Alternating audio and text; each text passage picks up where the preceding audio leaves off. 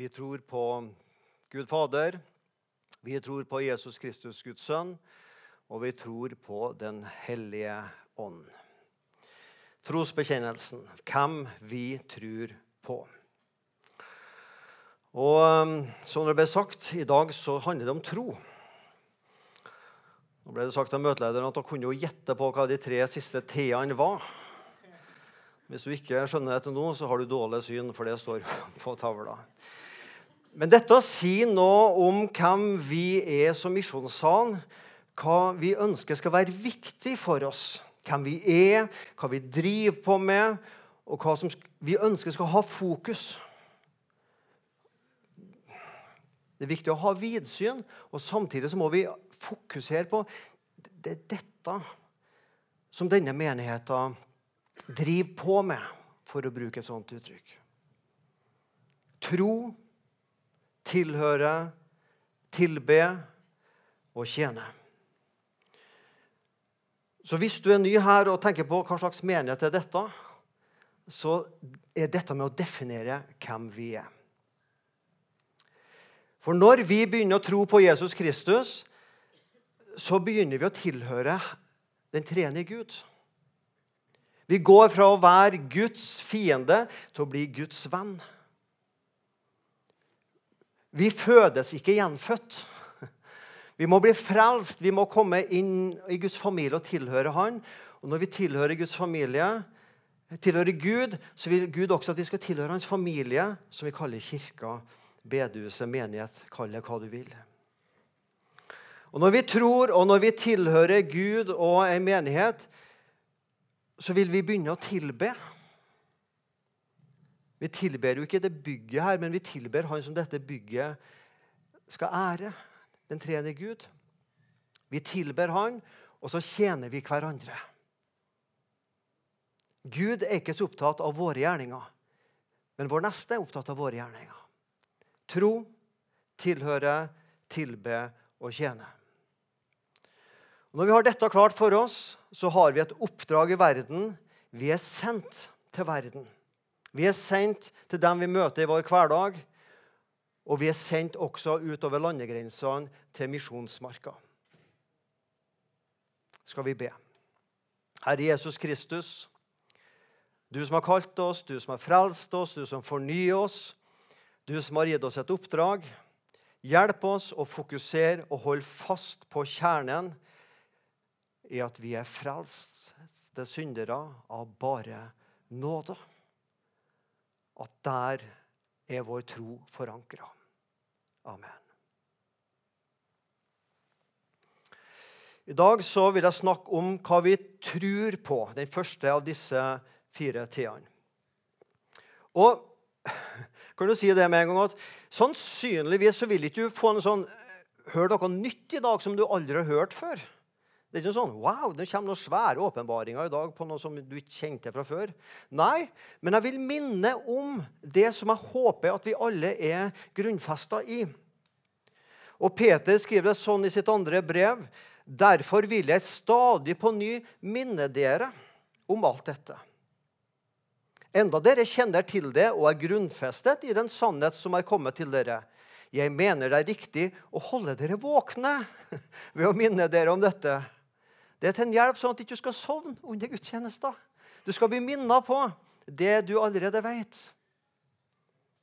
For vi er som ei sil som lekker. Det fyller på, så renner det liksom ut. Du går ned på stranda og tar noe sand oppi handa, og du, det vil renne ut på en eller annen måte. Sånn er hjertet vårt. Iallfall mitt er sånn. Jeg trenger å bli minnet på det som vi tror på. Hva er det å tro? Kan sies mye om å tro, og dette får bare bli eh, en kort innledning. Altså, ordet tro er jo et allment eh, begrep som ikke nødvendigvis er et religiøst begrep. Vi snakker om ja, hvordan tror du været blir i morgen, og hva tror du det skal være til middag. ikke sant? Helt vanlig måte å bruke tro på. Men vi vet også at tro er et religiøst begrep. Å være en kristen det er liksom, Man er troende. Er du en troende? Altså, Tror du på Jesus? Men også en muslim er en troende. En hindu er en troende. Så Sånn sett er ikke troende spesifikt bare kristne, men du har på en måte en religiøs livssyn. Troende. Å være kristne er mer enn å være troende. Jeg gikk på folkehøyskole en gang bak i tida, langt tilbake. Og eh, Vi fikk besøk av en tidligere Kina- og Japan-misjonær som heter Gabriel Eikli, som de eldste av dere her nok vet hvem er. Og Han snakka med rektoren vår, så liksom, jeg fikk det med meg. Vi sto oppstilt en del ungdommer i et kor. Ja, disse ungdommene her, er de troende, dem? liksom? Og Rektor svarte ja, de er troende til litt av hvert, dem. Så troen der kan du bruke på mange måter. Men det viktigste når vi snakker om tro i kristen sammenheng, det er at tro er et relasjonsbegrep. Vi tror på noe. Vi tror på Gud Fader, vi tror på Jesus Kristus, vi tror på Den hellige ånd. Tro i seg sjøl er et livssyn, en livsanskuelse, en markør av meninger. Men som en kristen så tror vi på Jesus Kristus. Det sier noe om troens retning om noe utenfor oss sjøl. Et relasjonsbegrep. La meg bruke et bilde fra hverdagen. En person kan si at han har gifta seg. Ja. Men det interessante er jo hvem man har blitt gift med. Du har ikke bare gifta dem, du har gifta deg med noen, noen du har fått en relasjon til. Og Sånn er det med troa. Vi har på en måte, vi har ikke bare gifta oss, men vi har gifta oss med Gud. Altså vi, har, vi har en relasjon til Gud. Vi tror på Gud.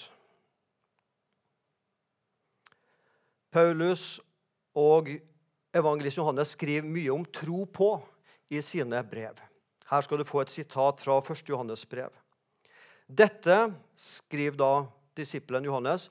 Dette har jeg skrevet til dere for at dere skal vite jeg har skrevet det for at dere skal vite noe. Ikke bare anta, men vite at dere har evig liv. Hvem er det som har det? Dere som tror på Guds sønns navn. Det er altså ikke nok bare å ha ei tro, men hvem tror du på? Så det evige liv gis ikke til alle som tror, men det gis til alle som tror på Jesus Kristus. Det neste jeg vil si om tro, det er at tro baserer seg på fakta og historie og sannhet. Det kan ha en verdi å tro, men hvis det du tror på, er falsk nyheter, så har det ingen verdi. Det har en negativ verdi. Vi må vite at det vi tror på, som står i Bibelen, at det er sant, at det er historisk, at det er fakta. Starten på Lukas evangeliet kan du gjerne lese, og nå tar jeg starten på Johannes sitt første brev. Og Legg merke til hvordan Johannes argumenterer for troa på Jesus. Er det bare et livssyn? Er det bare en antagelse? Er det bare et fjernt håp? Nei. Det som var fra begynnelsen, det vi har hørt, det vi har sett med våre egne øyne, og det som våre hender tok på, det forkynner vi Livets ord, altså Jesus. Og livet ble åpenbart. Vi har sett det, og vi vitner om det og forkynner dere det evige liv, som var hos Far og ble åpenbart for oss. Det vi har sett, det vi har hørt, det forkynner vi også for dere, for at dere skal ha fellesskap med oss, vi som har fellesskap med Far og Hans Sønn Jesus Kristus. Og Dette skriver vi for at vår glede skal være fullkommen. Det er så viktig for Johannes å si vi som nå skriver om Jesu liv noen år etter han døde og sto opp, vi så det sjøl. Vi var øyenvitner. Vi hørte. Og det, det er ikke bare sånn teoretisk flyvende livssyn. Men vi tok på Jesus. Det, det er konkret. Det er historie. Det er fakta. Og Hvorfor var det så viktig for Johannes å understreke det? Jo, for når vi tror på det samme, så har vi fellesskap med hverandre, skriven her. Og vi har fellesskap med Gud. Vi tilhører hverandre. Vi tilhører Gud. Og for at deres glede skal være fullkommen. Det er jo ikke vits å ha en glede i noe som ikke er sant. Og går rundt og liksom gleder seg over noe som man vet er falskt. I beste fall lurer du deg bare sjøl.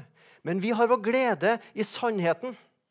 Hvis noen kan bevise at Jesus aldri har stått opp, at Jesus ikke har levd, så skal jeg frasi meg troa på 1, 2, 3. altså den kristne tro. For vi tror på sannheten. Så hvis Jesus ikke er sant, så la oss slutte å tro på han. Men vi tror og bekjenner at det som ble skrevet i Bibelen, er sant, det er historie, det er fakta. Det siste jeg skal si om tro, før jeg går litt videre, det er at vi tror ikke på vår egen tro. Vi tror ikke på vår egen tro. Kan en ateist tro? Har du tenkt over det? En ateist? Vi er teister. Vi tror på Gud. Altså. Men kan en ateist tro? En ateist er en som ikke tror det fins noen Gud, som gjerne utbasunerer ganske frimodig at Gud fins ikke. Men har en ateist tro? Faktisk har man det. Så baserer alle vårt liv på en livsanskuelse, på en tro. En person jeg la oss uttrykt en ateist sin trosbekjennelse på følgende måte. Jeg skal lese det to ganger, for dette er godt sagt. Noen en ateist altså sin trosbekjennelse går som følger. Noen tror ikke på annet enn at de tror på sin egen tro på å ikke tro på noe som helst. En gang til. Noen tror ikke på annet enn at de tror på sin egen tro på å ikke tro på noe som helst. Det er en ateist. Han må jo tro på at han tror at hans egen tro ikke fins at det tror noe å tro på. Det er også en tro. Martin Luther, som vi skal snart komme tilbake til, han sa følgende om troa i forklaringa til tredje trosartikkel om Den hellige ånd så skriver Martin Luther Jeg tror at jeg ikke av egen fornuft eller kraft kan tro på Jesus Kristus eller komme til ham, min Herre. Men Den hellige ånd har kalt meg ved evangeliet, opplyst meg med sine gaver, helliggjort meg og holdt meg fast i denne sanne tro. Martin Luther sier jeg tror ikke på min egen tro, men jeg tror på en som har opplyst meg ved evangeliet, og som jeg har kommet til tro på det er noe annet enn å tro på sin egen tro. Så, godt folk, hva tror vi i Misjonssalen på? Vi tror på Gud. Ja, Det er det mange som gjør. Men hva tror vi om Gud? Vi tror på Jesus. Ja, men tror vi, hvem tror vi at Jesus var, og hvorfor han kom til jord? Mye kan være sagt om det, og det tillater ikke tida i dag. Misjonssalen, Hvis du ikke er veldig kjent med oss, så er vi en del av en større organisasjon som heter Norsk Luthersk Misjonssamband. Det sier tre ting. At vi er norsk, det hopper vi fort over. Og så er vi luthersk, og så er vi et samband av mennesker som er opptatt av misjon. Hva vil det si å være luthersk? At vi kaller oss luthersk? Det betyr ikke at vi er en minneforening om en tysk teolog som levde for ca. 500 år siden. Ehm, det er noe mye mer enn det. Men det sier noe om en kristendomsforståelse som vi har. En teologi vi har og tror på og kjemper. Som, eh, en kristendomsforståelse som Martin Luther kjempa fram. Skal ikke gå gjennom de punktene der, men de bruker jeg å gi til nye medlemmer som kommer i Misjonssalen, sånn at man kort kan se dette er veldig kortformat hva vi tror på. Det sier noe om Guds ord, det sier noe om dåpen, det sier noe om misjon, det sier noe om syndere som trenger å bli omvendt. Hva tror vi på i Misjonssalen? Jo, vi tror at Gud møter oss og frelser oss gjennom sitt ord, Guds ord. Det er et Guds ord som møter oss som lov og som evangelium. En lov som dømmer synder i oss, og et evangelium som frigjør oss fra syndas eh, dom. Guds ord møter oss som lov og som evangelium. Og Vi tror og bekjenner at Gud møter oss og frelser oss gjennom den kristne dåp. Vi tror at Gud fornyer troa og tilgir oss syndene i nattverden. Så det å være luthersk handler om Guds ord, og det handler om dåp og nattvær, altså om sakramenter. De hellige handlingene. Og så er det en grunnleggende tro for oss å tro og bekjenne at vi er som mennesker fortapte syndere. Som jeg starta med å si, vi, vi fødes ikke gjenfødt. Vi fødes med ryggen mot Gud, som er et uttrykk som Martin Luther brukte. Som syndere, og vi må bli frelst. Vi må, vi måte starte negativt i forhold til Gud, og det må vi få ordna opp og bli frelst og komme i et rett forhold til Han. Og hva kaller vi det spesifikt å komme i et rett forhold til Gud? Vi snakker om å være kristen, vi snakker om å være gjenfødt. Uh, ja. Men et sentralt begrep her er som kristne, som mennesker i troa på Jesus, så er vi erklært å være rettferdige for Gud ved Jesus soningsdød på korset. Og Jeg har lyst til å bruke noen minutter nå og snakke nettopp om rettferdiggjørelseslæren. For det er ikke bare en tier, at du skyter på blink og treffer en tier, men det er innertier i luthersk teologi. Skal vi forstå den sammenhengen iallfall vår menighet er en del av, så må vi forstå rettferdiggjørelseslæren. Og Dette kan fort bli sånn teoretisk tørr teologi, kan noen tenke. Men det er så grunnleggende for å forstå den kristne tro og den kristendomsforståelsen som Martin Luther ikke kom med, men som han gjenoppdaga. For Martin Luther kom egentlig ikke med noe nytt. Han bare gjenoppdaga noe som var glemt gjennom århundrene i den katolske kirka. I sentrum for Martin Luthers kristendomsforståelse så står Romerbrevet, kapittel 1, vers 16-17. Du kan liksom ikke komme mer innertier i Martin Luthers forståelse enn Romerne 1, 16-17. Han fikk en ny på en måte, aha-opplevelse da han forsto hva som står her. Jeg skammer meg ikke ved evangeliet. Ja, Det er jo ikke Luther som sier det. Det er også Paulus da, selvfølgelig i romerbrevet. For det, altså evangeliet, er en Guds kraft til frelse for hver den ikke som har gode gjerninger eller oppfyller lovgjerninga til en viss grad, men til hver den som tror. For jøde først, og så for greker og nordmenn og til og med svensker. For i det, altså evangeliet, åpenbares Guds rettferdighet av tro og til tro, som det står skrevet i Habakuk 2,4.: Den rettferdige av tro skal leve. Har du lest dette verset før? Sikkert mange ganger. Martin Luther hadde lest det mange ganger. Han var en skolert teolog. Men han hadde ikke skjønt hva det egentlig står her, før han fikk en det kalles tårnopplevelsen i hans liv, tilbake ca. i 1517 en gang. Evangeliet er en Guds kraft til frelse. Det greske ordet som da Nytestamentet er skrevet på, er dynamis. Evangeliet er Guds dynamis. Du kjenner dynamo. Sånn som vi hadde på gamle sykler, vet du, sånn som sto inntil hjulet for å få litt lys i lampa på sykkelen. Nå er det litt andre måter, men du vet jo hva en dynamo er. Skape kraft. Formidle kraft. Evangeliet er Guds kraftfelt som skaper frelse. Som virker inn på mitt liv. På mitt døde steinhjerte så kommer altså evangeliet som en sånn kraftfelt å treffe. Og så skaper det noe helt nytt liv som ikke har vært der fra før. Ikke først og fremst en oppgradering, litt bedre liv, litt mere liv. Kristendom er ikke litt mere liv eller litt bedre liv.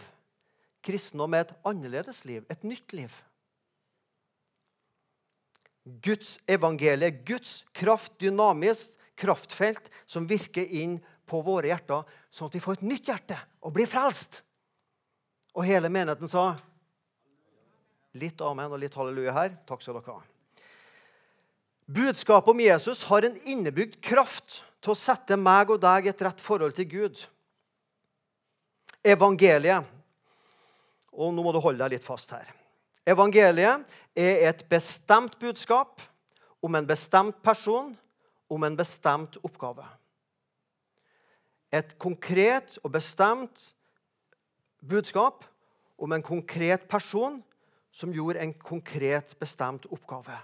Det er evangeliet. Og hva er det? Jo, at Guds sønn har blitt menneske, tatt på seg straffen for våre synder.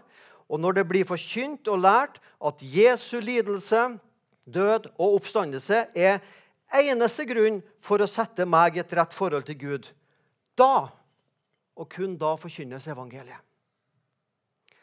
Forstå meg rett nå, eller ikke misforstå meg. å si at Gud er kjærlighet, er egentlig ikke et evangelium. Evangeliet er at Gud viser sin kjærlighet ved at han lot Jesus dø og ta straffen for alle våre synder. Og at dette budskapet kan vi ta imot helt fritt, gratis, uten å gjøre oss fortjent til det. Det er evangeliet. Og Når vi gjør det og tar imot det, så blir vi erklært å være rettferdige for Gud. Noe som vi ikke er i oss sjøl. Gud sitter i sin himmel og kikker ned på jorda. Ja, til og med han der Svein Anton han erklærer for å være rettferdig. For han tror på Jesus Kristus, min sønn. Det er gode nyheter. Ja, Det er nesten så vi kan koste på oss et halleluja for det også. Hva var det Martin Luther oppdaga i disse versene der han satt i sitt tårn og studerte Romerne 1,17? Jeg skal bruke ca. et minutt til å lese hans egne ord når han i ettertid ser tilbake på denne opplevelsen. For han, han irriterte seg over dette begrepet Guds rettferdighet. Her skal du få Martin Luther sine egne ord, som han skrev i 1545, ca. 30 år senere. Jeg hatet dette uttrykket 'Guds rettferdighet'. Skal du tenke deg å si noe sånt? da? Jeg hadde sikkert blitt avsatt her hvis jeg sa at jeg hata dette. hater sånn og sånn, men Martin Luther skriver jeg hatet dette begrepet Guds rettferdighet fordi jeg hadde lært å forstå det i filosofisk mening om Guds formale eller aktive rettferdighet. Etter den er Gud rettferdig og straffer syndere og urettferdige. Ja, altså Gud har rett til å straffe oss når vi gjør synd. Hvor mye jeg enn levde som en ulastelig munk, følte jeg meg likevel som en synder overfor Gud. Jeg hadde en meget urolig samvittighet og kunne ikke stole på at Gud var forsonet ved mine anstrengelser. Derfor elsket jeg ikke Nei, jeg hatet tvert imot den rettferdige Gud som straffer syndere. Inntil Og nå kommer gullet her. Inntil jeg endelig ved Guds barmhjertighet fikk øye på ordenes sammenheng, nemlig Guds rettferdighet åpenbares i det som så skrevet, at den rettferdige skal leve ved tro. Da begynte jeg å forstå at meningen er ved evangeliet åpenbares Guds rettferdighet i passiv forstand, nemlig den rettferdighet som Gud i sin barmhjertighet rettferdiggjør oss ved, ved troen. Så når det Martin Luther oppdaga, når det står om Guds rettferdighet i Nyttestamentet, så er det ikke primært at Gud er rettferdig og straffer oss. Ja, det er noe, det har han rett til. Men meninga er, når vi møter begrepet Guds rettferdighet, det er det han gjør med oss, det som skjer i oss, at vi blir rettferdige for Gud når vi holder fast på troa på Jesus Kristus. Og vi som sitter her, meg og oss, liksom Ja, dette har vi hørt fra vi var små av. Ja, heldige er vi som har det. Men Martin Luther levde i en helt annen tradisjon, der man måtte fortjene seg til Guds rettferdighet.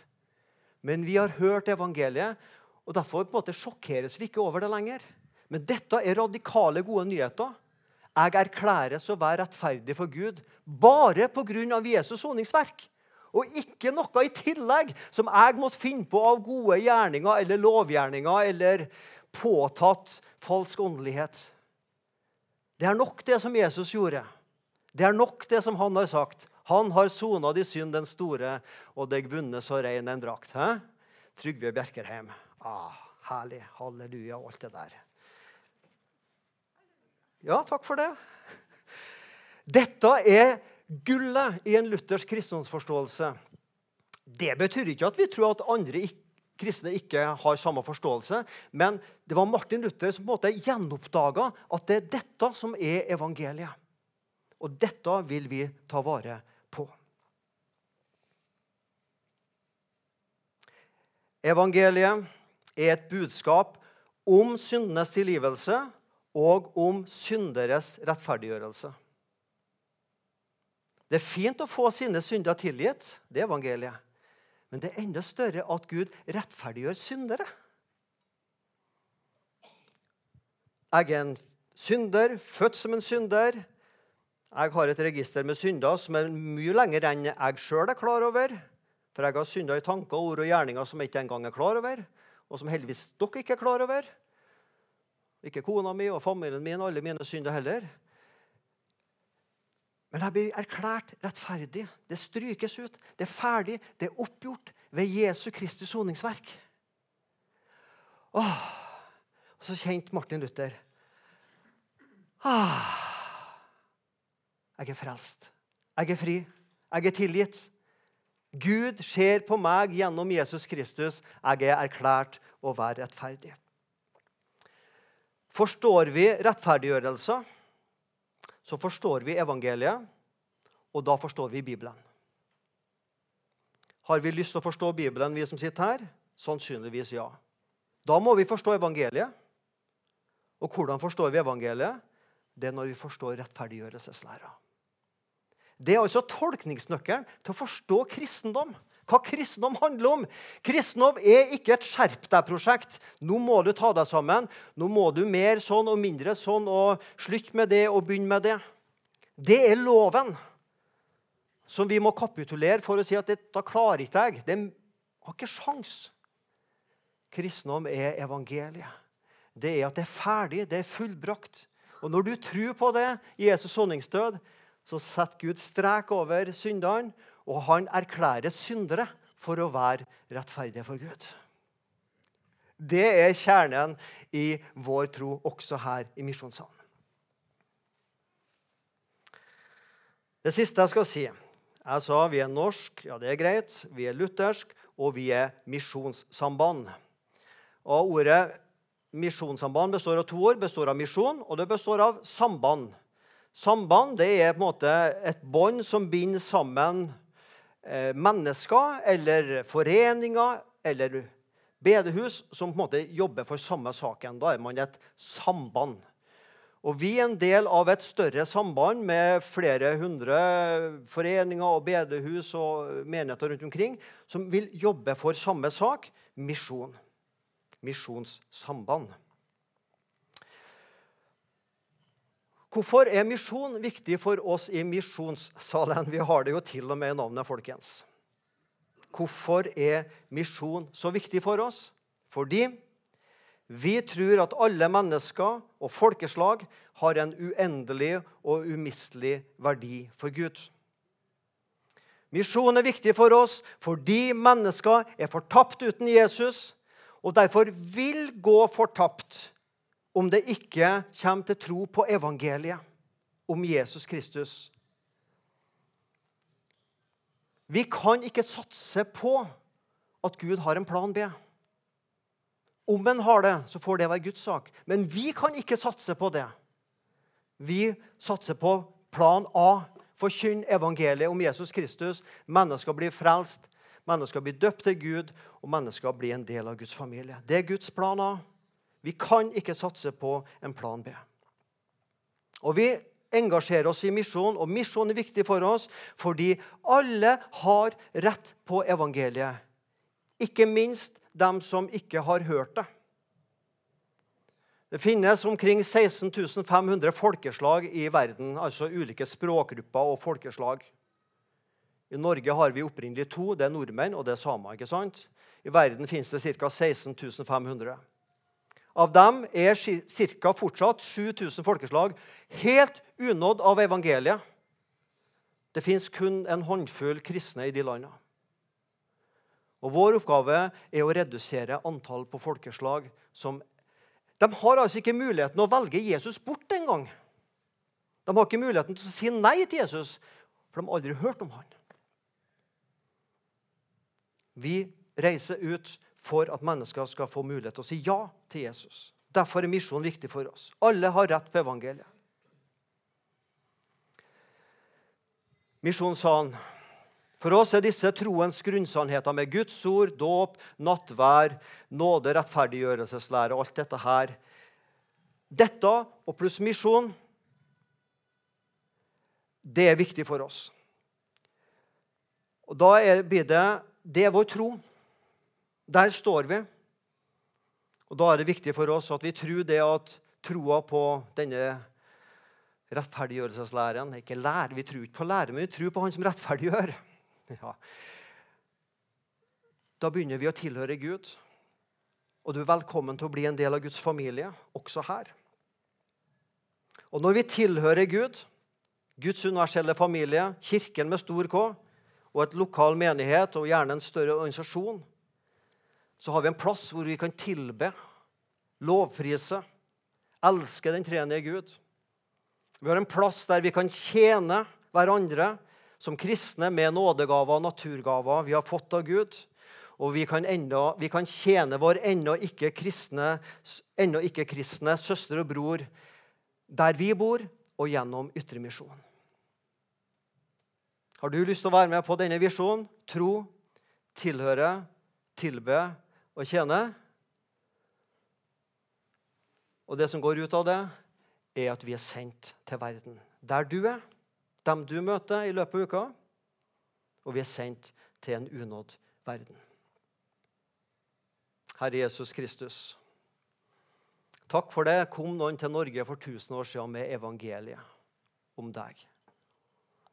Ikke bare et nytt livssyn, en ny form for tro, men et nytt liv som gradvis begynte å endre Norge som nasjon.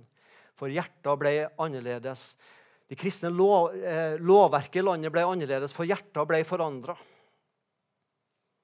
Og så kjemper vi stadig i Gud for at kristendommen må ha gode levevilkår og overleve i vårt land. Det er mye kulde, det er mye likegyldighet, det er motstand mot kristen tro. Men vi ber Jesus om at vi må ha et hjerte overfor dem som ikke liker deg. Et godt hjerte overfor dem. Be for dem, elske dem. Og i vår hverdag leve ut troa, så at nye mennesker kan komme til tro på deg. Vi takker deg for denne menigheten. Og så ber vi at dette må være et rom, et sted, et bygg der vi tilber deg. Der du kan sitte i din himmel og tenke ah, det er dette er en av mange menigheter i Sandnes som elsker deg og tilber deg, og der mennesker tjener hverandre. Og hele folket sa amen.